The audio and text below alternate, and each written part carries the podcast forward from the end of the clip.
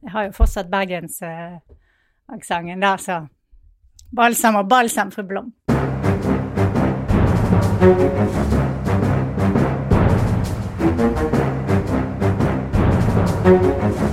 Velkommen til en ny episode av Aftenpodden USA. Jeg, Øystein Langberg, er tilbake i The City, New York, etter en tur ut i den ville vesten, til Wyoming og, og Colorado. Og du er i det elleville Oslo. Kristina Pletten, hvordan går det der borte? Fortsatt på hjemmekontor, fortsatt på Frogner. Her skjer det fint Mm. lite. Det er sol, da, og fint og kaldt på jeg vet ikke, fjerde uken eller noe sånt. Så. Sånn er det. Ja, ja. Det er en halvmeter snø i New York som ikke har smelta, faktisk. Ja. eh, Som har ligget nå i en uke, og det er ti minusgrader i dag. Så det er blitt skikkelig frysende kaldt her også. Ja, det er, Så det er en perfekt tid for å være inne. Og, og i helgen så, så trakk jeg pusten dypt. Så satte jeg meg ned foran TV-en og bestemte meg for at nå skal jeg endelig en gang for alle prøve å forstå amerikansk fotball. For det er jo selvfølgelig en enorm del av det, amerikanske samfunnet, og for en USA-korrespondent så er det jo litt sånn sløvt å nesten ikke kjenne igjen sånne superstjerner på gata engang, hvis jeg hadde gått forbi de, og det er jo en annen kjendis eksempel rundt her i Brooklyn. Så, så jeg så på to timer, eller hvert fall en time med sånne YouTube-klipp med sånn Introduction to American Football og sånn, for å bare skjønne det, for det er jo utrolig mye regler, og det er ikke veldig intuitivt hvis du bare setter deg ned på det og har spilt norsk-europeisk fotball og skal prøve å skjønne hva som foregår der. Har du, vært, du har kanskje vært på en del kamper, og har du koll på reglene? Eh, litt. Jeg har aldri vært på kamp, eh, verken fotball eller baseball. Jeg syns det er drita kjedelig, for det, stopper jo hele tiden. Og så er det liksom masse sånn styr, og, så, og det er jo litt laget litt, og tror jeg da, mistenker jeg, for at det skal være sånn hundrede reklamepauser hele tiden. Absolutt. Jeg tror det er en det- viktig greie. Ja, det, det er Jeg syns det er liksom Jeg vet ikke. Det er ikke akkurat my cup of tea, men det er jo gøy med alt uh, ståket rundt, da. Og det var jo ganske mye folk på Ja. stadion. Overraskende mye folk. Ja, og, men en del av de var sånne cardboard cutouts, og så var det en del Ja. ekte mennesker. Det var litt vanskelig å skille, skille mellom de. Folk har jo betalt, men det var altså Superbowl Sunday, eh, den store finalen i, i amerikansk amerikansk fotball. Tampa Bay Buccaneers mot Kansas City Chiefs var det som, som skjedde. Og jeg så, så jo hele kampen, og de skal sies at de fleste av de som satt på tribunen der, var visst vaksinerte helsearbeidere, hevdes det da. Så får vi bare se litt på om det kommer et utbrudd nedi i Florida der. De har jo hatt utbrudd konstant i, siden ja, i et år nå.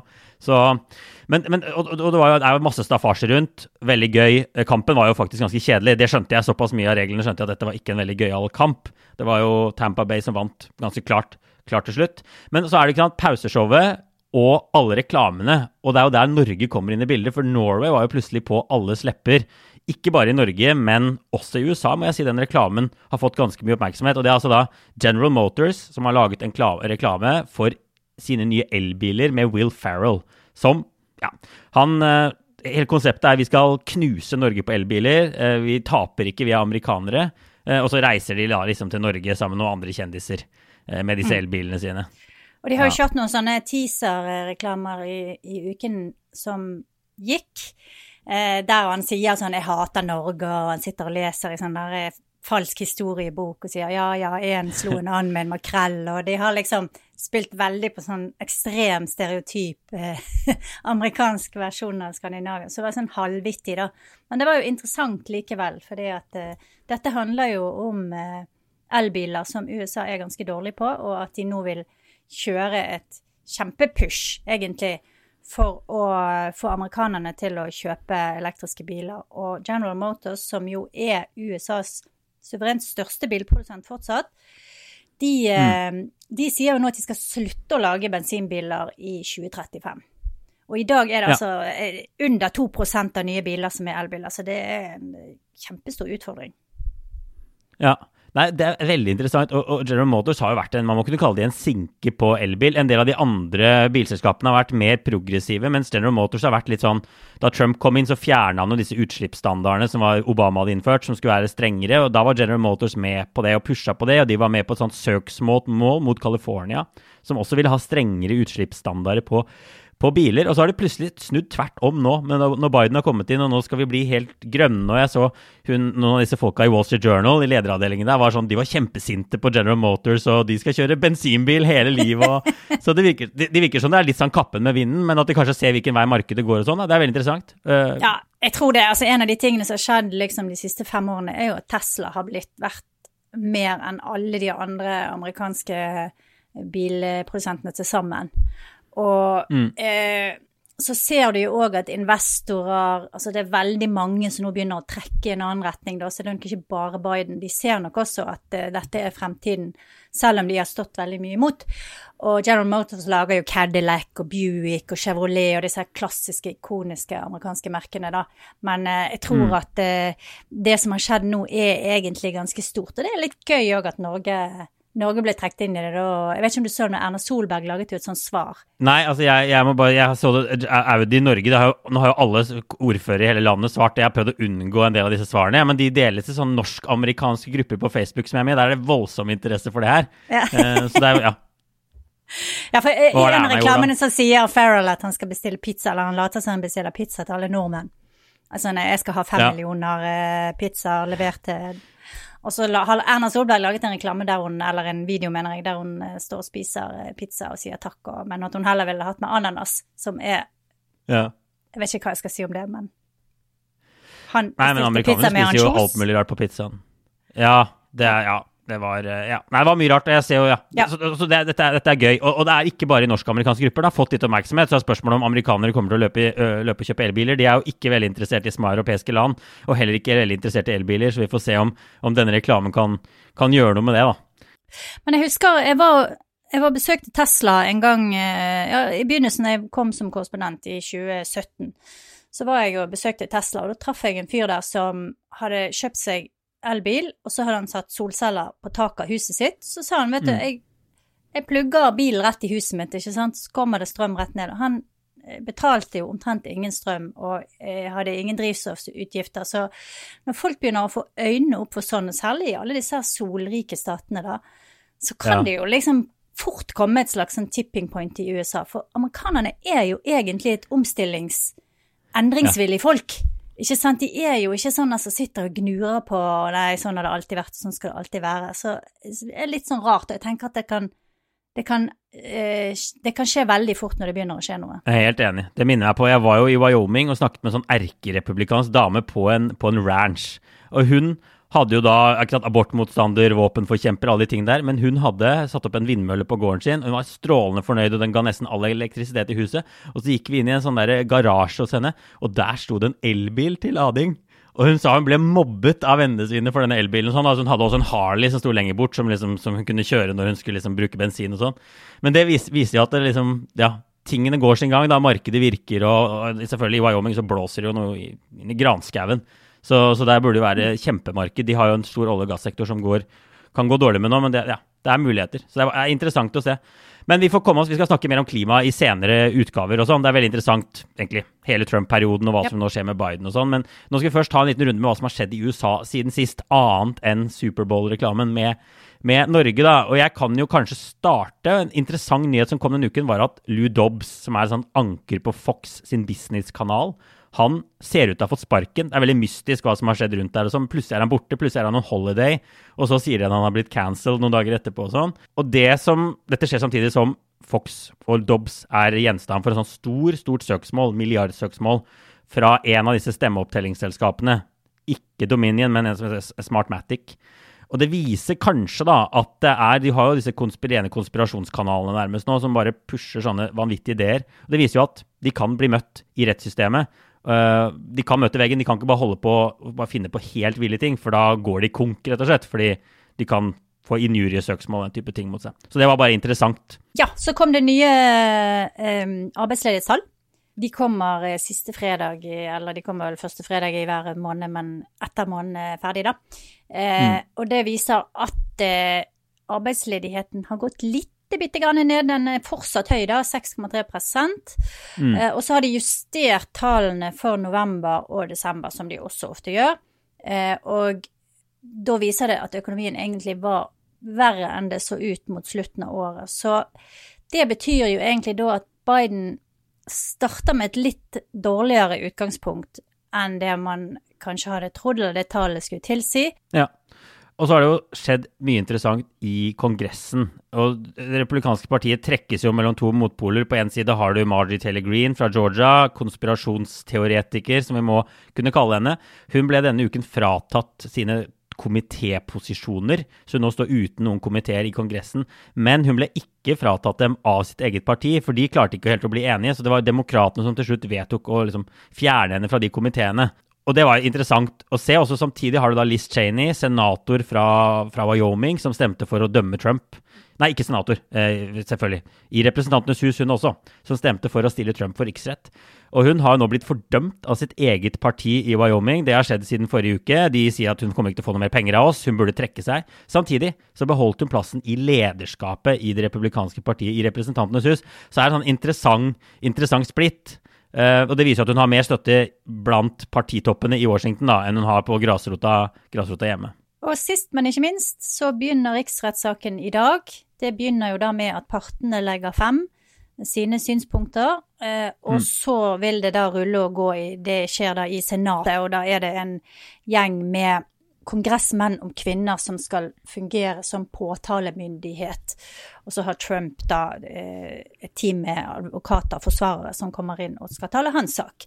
Så det er nå i gang. Og Vi kan jo bare si til det siste at vi lagde en episode i forrige uke om om eh, riksrettssaken i Senatet, som egentlig står seg ganske godt. Og så kommer vi tilbake med en, eh, en, noen ekstraepisoder hvis det skulle skje noe stort. Hvis det plutselig skulle gå mot at det kan bli en dom eller noe, så skal vi lage en, det skal vi love, lage en ekstra utgave i løpet av uka. Eh, det blir spennende. Men denne nå skal vi snakke litt om, om Joe Biden. Han har sittet i snart tre uker. Og litt om hvilke kursendringer han har gjort, eh, politikk han er i ferd med å gjennomføre, og litt om muligheten for at presidentskapet hans faktisk kan få en ganske god start. Nesten en slags pangstart. Og, og, og det skal vi, skal vi komme til, eh, tilbake til. Vi har jo snakket om at han har kommet Altså startet med å underskrive en hel haug med presidentordre. Eh, som jo er lett å innføre og lett å fjerne igjen. Og det er, eh, Han har fått litt kritikk for det, men det er jo delvis fordi Trump også drev politikk gjennom presidentordre. Og da Biden vil reversere det, så er det ekstremt lett for han å gjøre det. Så det er litt sånn, Jeg vet ikke hvor mye som skal kritiseres for det, men det er også andre ting som har stått på agendaen. Og det kan vi snakke litt om nå. Og blant annet så har han varslet noen utenrikspolitiske endringer. Og det er jo det som har virkelig store konsekvenser for, for Norge og resten av verden. Og du har bare kikka litt på det. Du skrev annet en interessant kommentar om det. Hva er liksom de aller viktigste endringene Biden holdt en tale i eh, Utenriksdepartementet forrige uke, i slutten av forrige uke, der han skisserte hovedtrekkene i sin utenrikspolitikk så langt. Det jeg beit meg mest merke i, var Saudi-Arabia, som han trakk frem og sa at vi kommer ikke lenger til å støtte Saudi-Arabias krigføring i Jemen. Saudi-Arabia og Iran driver jo og slåss i Jemen via sine respektive eh, grupper, interne grupper. Eh, ja. Han sa også at de kommer til å holde igjen våpen til Saudi-Arabia. Han nevnte nesten ikke Iran i det hele tatt, det var også ganske oppsiktsvekkende. Han snakket om Kina som en rival og en konkurrent, eh, så han var litt mildere i omtaleformen av Kina enn en det Trump var, i hvert fall. Mm. Og så sa han også det at eh, han nå vil se på hele hele det militære eh, tilstedeværelsen til USA globalt. Så de skal revurdere hvor de har eh, soldater og baser, og så kommer de tilbake igjen da med eventuelle omprioriteringer. Så det betyr at soldatene i Tyskland, som Trump ville trekke tilbake, som jeg tror nesten 10 000 soldater, blir ærende. Men det er jo en god del av politikken til Biden som fortsatt er Eh, såkalt under review. Eh, mm. Det er mye forholdet til Cuba, eh, Venezuela det, det, det, er fortsatt mye der de egentlig ikke har noen klar linje, der de tror de vil se på hva har Trump gjort, og hva, hva er den smarteste linjen å legge seg på. Og spesielt når det gjelder Kina, så virker det som om der prøver de å ha det litt sånn both ways, ikke sant. At han eh, strekker ut en hånd. Han trenger jo kinesisk samarbeid for å få ja. til klimaambisjonene sine og sånn.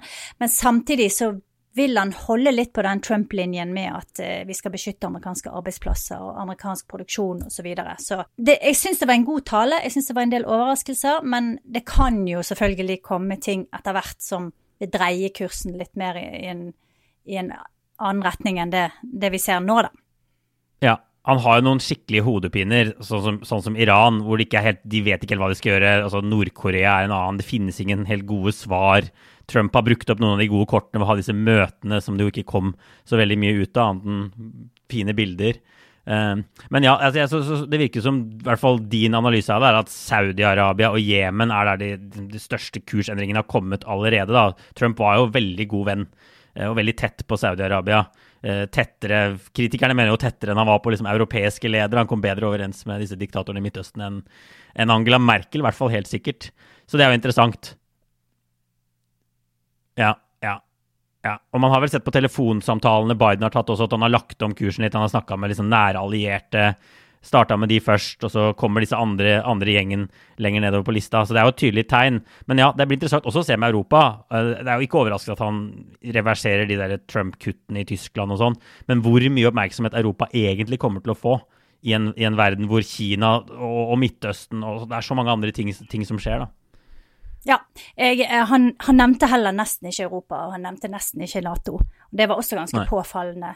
Så det var egentlig like påfallende hva han ikke snakket om, som hva han snakket om. Og det kan jo tyde på at Biden plukka opp igjen tråden der Obama glapp, som var en sånn pivot to Asia, altså vi skal snu oss mot Asia, at utfordringene ligger der, og at det er der oppmerksomheten må være, og så blir Europa mer en sånn eh, ettertanke, eller hva man skal kalle det. Det kan se litt sånn ut.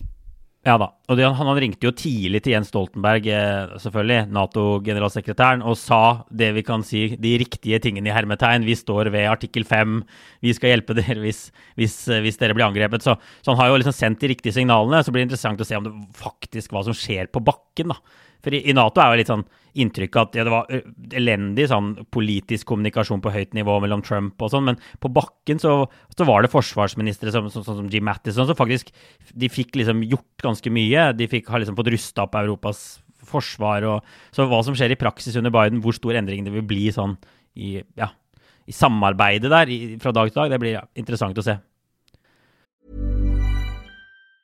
When you're ready to pop the question, the last thing you want to do is second guess the ring. At Bluenile.com, you can design a one of a kind ring with the ease and convenience of shopping online. Choose your diamond and setting. When you find the one, you'll get it delivered right to your door. Go to Bluenile.com and use promo code LISTEN to get $50 off your purchase of $500 or more. That's code LISTEN at Bluenile.com for $50 off your purchase. Bluenile.com code LISTEN. Men ja, altså utenrikspolitikken er én ting, og så er det jo alt det som skjer på hjemmebane. da, Det er jo det som tar tatt mest oppmerksomhet, og får mest oppmerksomhet. og USA står jo midt i en pandemi og en økonomisk krise og sånn. og Det er denne, det, det, det alle øynene er rettet mot, og det som nesten er liksom viktigere for Biden enn hele denne riksrettssaken, som han jo klokelig prøver å få ta, ta litt avstand fra, er jo denne store redningspakken for økonomien, som er på 2000 milliarder dollar, eller 1900 milliarder dollar. Enorme beløp, og som de også ser på som den første testen på om Biden kan få til noe tverrpolitisk med republikanerne. Eh, da man har i så fall få med seg ti republikanere, da kan han få den gjennom med liksom den standard budsjettprosessen, eller eh, vedtaksprosessen i Senatet. Da. Men det som er interessant å se, da er jo at de kanskje har lært litt fra Obama-tiden, for de kjører sitt parallelle løp med en sånn annen prosess hvor de kun trenger demokrater for å få det gjennom, 50 stemmer, hvor de tar noen sånne snarveier, sånne egne budsjettregelsnarveier, slik at de skal kunne få denne pakken pakken veldig kjapt igjennom. Så de kaster ikke bort tiden sin da, i det hele tatt på, på republikanerne. En av tingene som republikanerne, en del republikanerne har, har uh, prøvd å diskutere, er jo om det var nødvendig at alle skulle få penger. Altså trenger de å sende mm. ut en sjekk på 1400 dollar eller hva det er, til folk som har millioner av dollar fra før. Uh, at det skulle rett og slett være en slags behovsprøvd støtte, da. Eh, men det har vel, så mm. vidt jeg har sett, demokratene avvist ganske kontant. De vil at dette skal gå ut til alle, og det er jo sikkert ikke så dumt indremedisinsk, da. For det at hvis du Ikke sant, greit nok hvis du er mangemillionær, så har du kanskje ikke bruk for det. Men hvis du ligger akkurat over den grensen, da, så kan det plutselig mm. Altså, det er vanskelig å skulle sette den, og det blir eh, Når du skal bruke staten sine penger, så er det også vanskelig å, å rettferdiggjøre, tenker jeg, en sånn, et sånt tiltak, da. Ja, for den pakka inneholder bl.a. en sjekk på 1400, 1400 dollar. Eh, som jo er en del penger, ikke sant? 12 000-13 000 kroner. Eh, og så inneholder den en del sånn penger til delstater og, og penger til sånn få opp farta på vaksineringen. Og, og, Biden mener at man trenger 1900 milliarder dollar, og så har republikanerne sagt at vi trenger bare noe som er en tredjedel så stort. Men det virker som, sånn som man leser de nå, de er, demokratene vil bare køle igjennom noe skikkelig stort. De vil ikke gå i den Obama-fella som de oppfatter at han, han fikk til noe altfor lite, bl.a. fordi han ikke var ambisiøs nok selv. Men det er litt sånn derre mumling på sidelinja nå. Larry Summers, som var en tidligere finansminister og økonomisk rådgiver for tidligere demokratiske presidenter, sier at han syns denne pakka er for stor. Han er redd den skal føre til prisgalopp og sånn. Som har ført til noen en veldig sterke eh, motsvar fra demokratene nå. Um, for han er jo regnet som liksom, en av deres egne. Eh, og dette vet jo du mer om enn meg, men det har jo vært sånn før at man har vært redd for inflasjon, ikke sant? Når man har kjørt for mye penger inn i økonomien. Ja. Men de, i de siste ti årene så har man sett at nesten uansett hvor mye penger eh, man spytter inn, da, så, eh, så mm. får man ikke eh, inflasjon. I hvert fall ikke i den grad som, som man fryktet før. Er ikke det riktig? Nei, ikke sant. Ja, da Obama sin redningspakke i finanskrisen skulle gjennom, så var man redd for to ting. Man var redd for liksom, budsjettunderskudd og gjeld, og at gjelden skulle komme ut av kontroll. At ingen ville låne deg penger mer, og at du måtte betale kjempehøye renter. Så man måtte ikke ta for mye gjeld. Det var den ene delen av det. Og så var det dette med inflasjon. Ja, man bruker altfor mye penger, og da kommer prisveksten ut av kontroll. Og den frykten er der litt fortsatt, men det har vært veldig få tegn til Altså, det hadde vært kjempelav inflasjon. I Europa har jo problemet vært at man er redd for deflasjon, det motsatte, at prisene skal begynne å falle. Og Biden har fått med seg Janet Yellen, tidligere sentralbanksjef, en skikkelig tungvekter. ikke sant? Og det hjelper jo veldig å ha med seg. Hun sier jeg er ikke redd for inflasjon. Hvis det blir inflasjon, så har vi mekanismer for å få den under kontroll igjen. Så det virker som de ja, det virker som de har med seg veldig mye fagøkonomer da, på å gjennomføre noe som virkelig monner. Eh, for å gi liksom, Biden en skikkelig, skikkelig, god start. Vi har vært inne på det litt før, men det er vel også en litt sånn dreining blant en del økonomer eh, som tenker at kanskje ikke det er så farlig om man bruker litt mye penger, spesielt ikke i en sånn situasjon som USA, som har liksom definisjonsmakt gjennom dollaren, da, at kanskje ikke det er så farlig om mm. de har et budsjettunderskudd, kanskje ikke det er så farlig om de trykker opp penger i en periode, fordi at de kan på en måte bare vokse seg ut av problemene uh, uansett etter hvert, da. Stemmer det at, det liksom, man, ja. at det, man endrer litt på selve den økonomiske ja, teorien det det. i dette? Ja, og så er det debatten hvor mye har man egentlig endret og, og sånn fra, fra, i gamle dager. Men det er jo også sånn at sentralbanksjefen i USA alle sier noe som man ikke hørte under finanskrisen. Og det er sånn det er farligere å bruke for lite enn for mye. Risikoen her er at vi ikke tar hardt nok i. Vi får heller liksom ta litt for hardt i, da. Og så finner vi en metode å løse det på. Uh, så det er jo sånn, ja. Og det ser ut som Biden har tatt konsekvensen av. Og så får vi se liksom akkurat hvordan disse forhandlingene, forhandlingene ender, da. Men det her vil være liksom en stor ting for Joe Biden når, når, denne pakka kommer gjennom. Han sender ut sjekker. Kanskje han til og med får sitt eget navn på de, uh, og den type ting. Og jeg som økonom jeg lever jo fortsatt litt i den troen på at økonomi er viktig da, for Bidens uh, renommé. Og jeg tror en grunn til at Trump gjorde det mye bedre enn vi forventa, var at ganske mange amerikanere har hatt det greit økonomisk, selv om pandemien har vært mange vil si dårlig håndtert. ikke sant? Så sendte Trump ut disse sjekkene. Jeg husker jeg møtte en sånn en dame som jeg tror ikke Jo, hun stemte kanskje. Hun, hun, var svart og elsket Trump. Hun bodde i, Florida fordi hun hadde fått denne sjekken i posten. Det tror jeg Hun var ikke veldig sånn påkobla politisk ellers enn det. Og Det tror jeg er en sånn ting man undervurderte. og Det er pussig at Trump ikke gikk med på bare demokratenes forslag om en svær ny redningspakke rett før valget, for da tror jeg han kunne blitt gjenvalgt.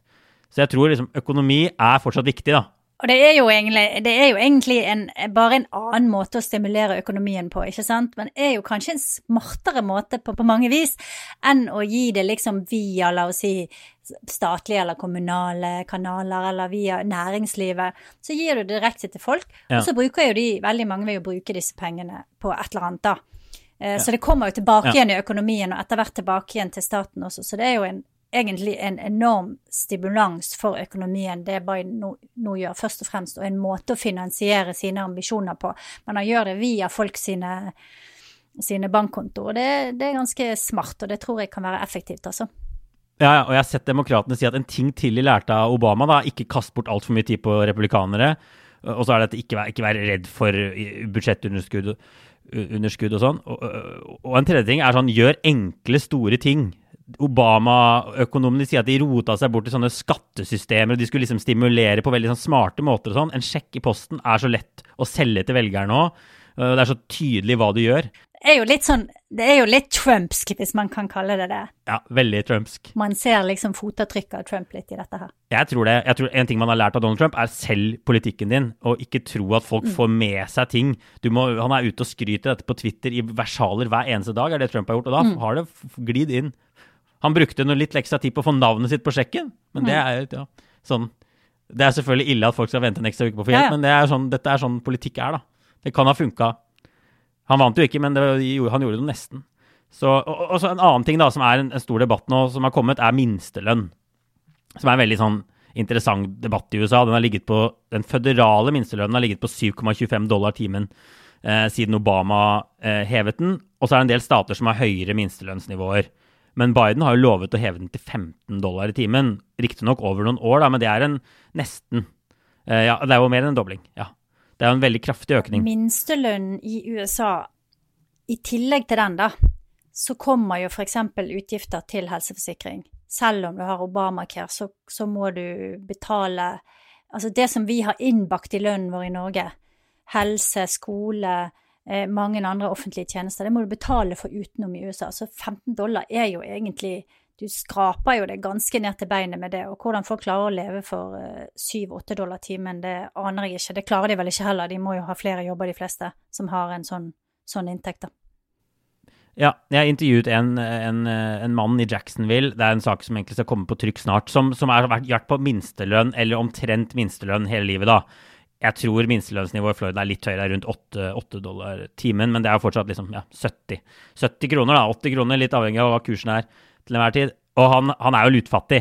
Og han mista jobben i pandemien, og nå bor han hos en tante, og familien bor hos noen venner. og da, da Du er, lever sånn på et eksistensminimum, klarer ikke å spare opp noe penger. Eh, for det er jo det er ikke billig å bo i liksom amerikanske byer heller. Eh, så klart, 70 kroner timen er bare, er, bare, er bare, fryktelig lavt. Og det som er interessant med den minstelønn, det spørs om Biden kommer til å få det gjennom, for det er ganske mye motstand blant, eh, blant republikanere. De mener jo at, at det vil eh, ødelegge økonomien at markedet må bestemme lønna selv, og at når man setter en lønn som er høyere enn det liksom, markedet vil komme frem til, så vil det føre til tapte arbeidsplasser. Han, han fyren jeg intervjuer, han vil miste jobben sin i stedet for å tjene mer, fordi ingen har råd til å, råd til å hyre han inn til en pris som er høyere enn det markedet er villig til å gi. Men bare, bare for å ta det, da. Her har det også skjedd noe interessant blant økonomer de siste tiårene. Økonomer var sånn frihandel, bra, minstelønn, dårlig. Det var sånn basic sånn økonomer mente eh, veldig lenge, men man har sett at flere og flere økonomer har blitt åpne for at å sette et en, en gulv i arbeidsmarkedet, en minstelønn, faktisk kan For det første vil det løfte mange ut av fattigdom, og så kanskje det ikke fører til færre arbeidsplasser. Eh, de har forsket på hvordan minstelønns Når man har satt disse tingene ut i praksis, hvordan, hvilken effekt det har hatt. Og så har man sett at det har ikke hatt de nødvendigvis skadelige virkningene som den helt sånn grunnleggende minstelønnsteorien tilsier. da. Fordi verden er ikke akkurat som de økonomiske modellene, har det vist seg igjen og igjen. Ryan Reynolds here from Mint Mobile. With the price of just about everything going up during inflation, we thought we'd bring our prices down. So to help us, we brought in a reverse auctioneer, which is apparently a thing.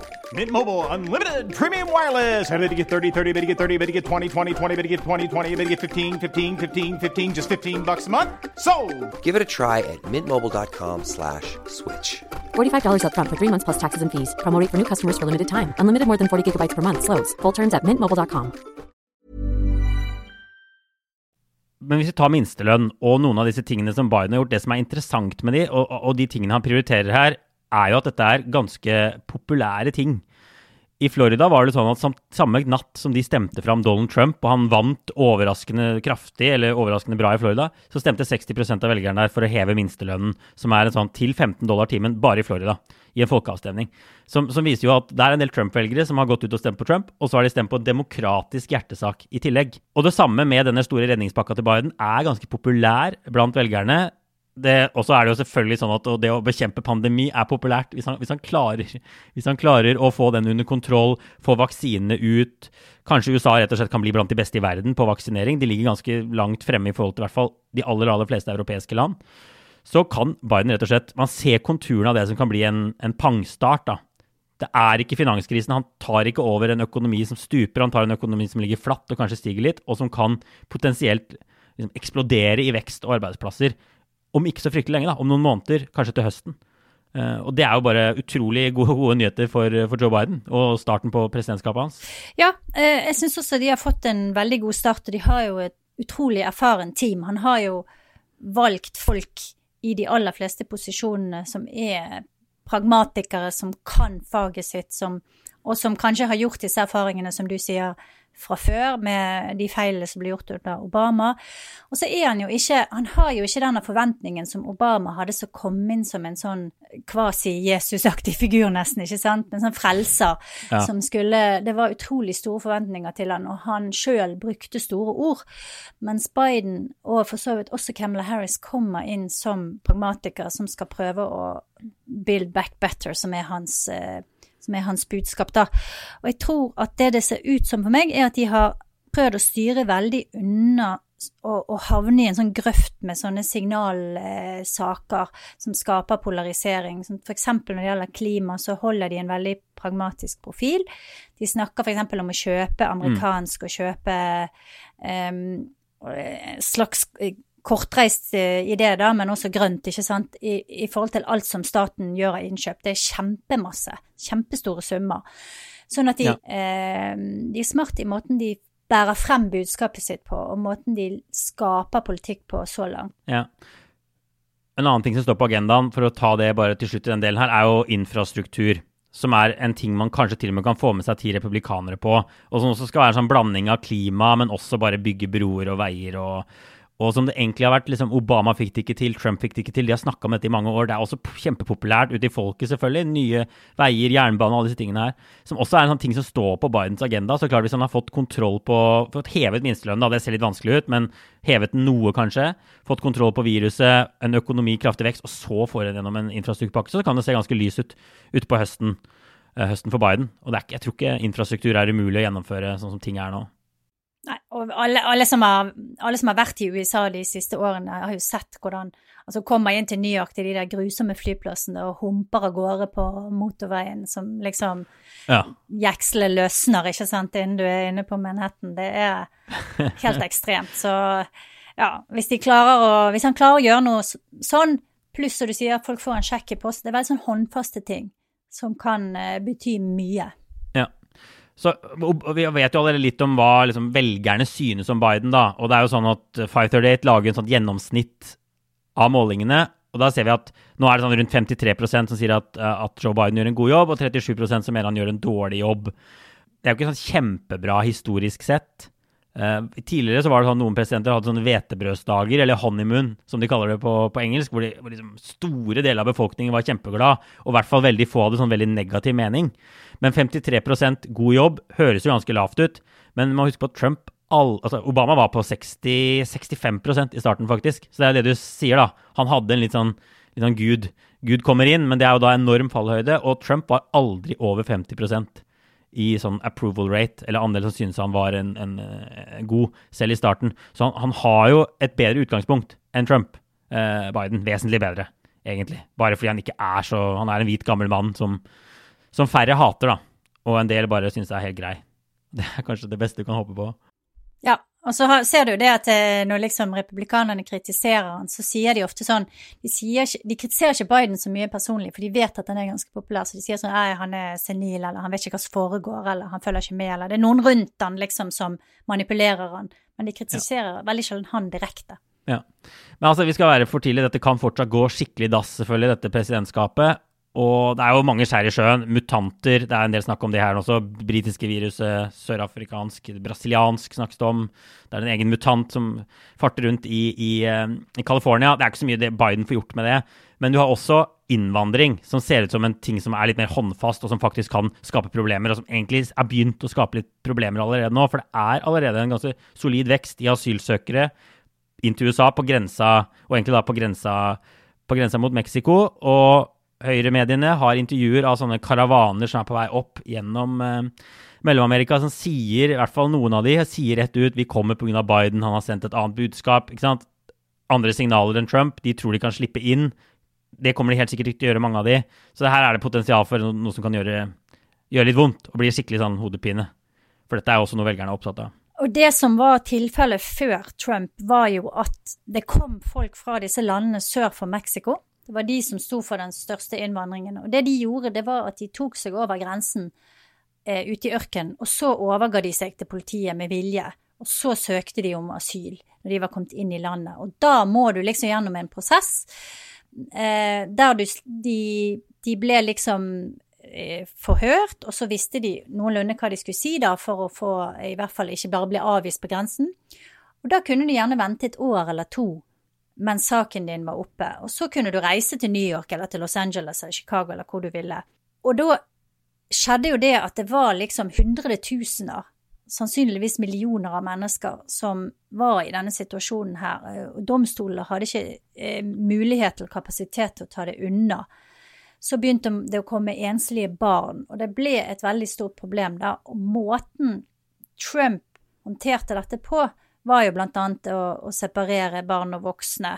Eh, og tvinge Mexico til å holde igjen folk som ikke faktisk kom seg inn i USA og fikk søkt om asyl, og en rekke andre ting. Så begge, begge systemene var problematiske. Det var problematisk sånn det var før Trump, det var problematisk det som Trump har gjort. Men hvis de går tilbake igjen til sånn som det var, så tror jeg at det kan bli et stort problem for Biden. Mm. Ja. Nei, så, så det, det, det, blir bare, det blir ikke bare lett for Biden. Det er mye som kan gå galt, uh, som kan gå galt ennå. Og ja, dette blir, det blir skikkelig vanskelig for han, tror jeg. For han har venstresiden sitt eget parti. Han skal prøve å sende et signal om at vi putter ikke folk i, i bur lenger, og den type ting. Men han skal også passe på at det ikke bare eksploderer nede på grensa der. Og per nå så ser det ut som han kan i hvert fall nærme seg den, det siste litt, da. Men vi får ta en runde med litt obligatorisk refleksjon til slutt. Kristina Pletten, hva har du tenkt på siden sist?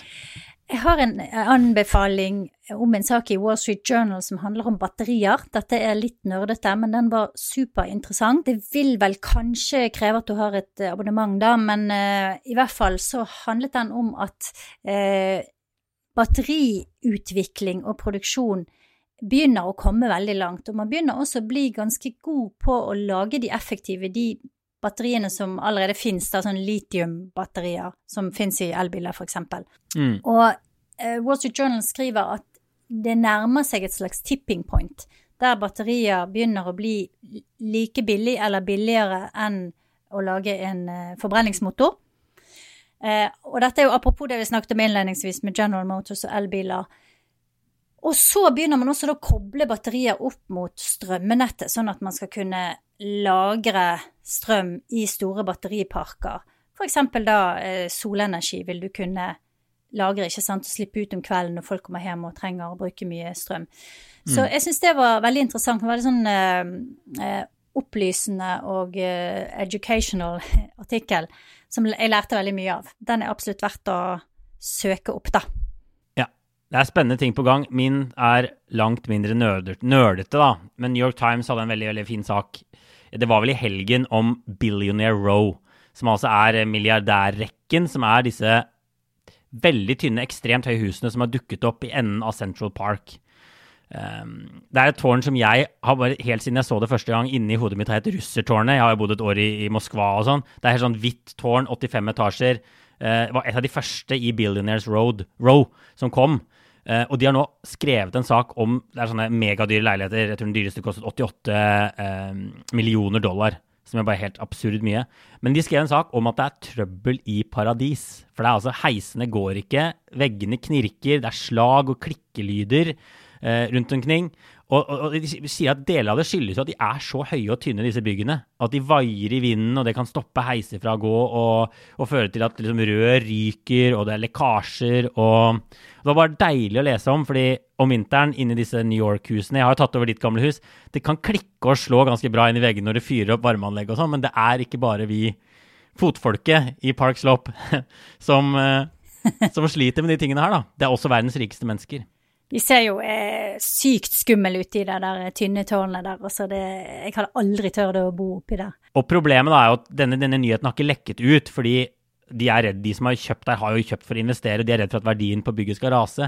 Men så har New York Times fått tak i ei dame, Mrs. Abramovic, som bare gir blanke det her, og som forteller alt til New York Times. Som også er helt sånn, ja, helt fantastisk. Og hun ligger nå bakpå med bakpå med fellesutgifter, og da skylder hun noe sånt som 88 000 dollar. Så det er litt andre type, andre størrelser i disse høye blokkene. Nei, men du, det var det vi hadde for, eh, for denne gang. Vi er, eh, vi er, tilbake om en uke, og så er det sånn at det bare er å sende oss ris og, og ros, egentlig. Jeg har en Facebook-konto. Eh, Øystein Langberg, Aftenpostens USA-korrespondent, heter den. Eller Oystein Langberg i ett ord på Instagram. Og også forslag til, til, episoder og ting vi kan snakke om fremover, og, og ting dere lurer på. Vi er interessert i å høre alt. Det var det vi hadde for denne gang. Ha det bra.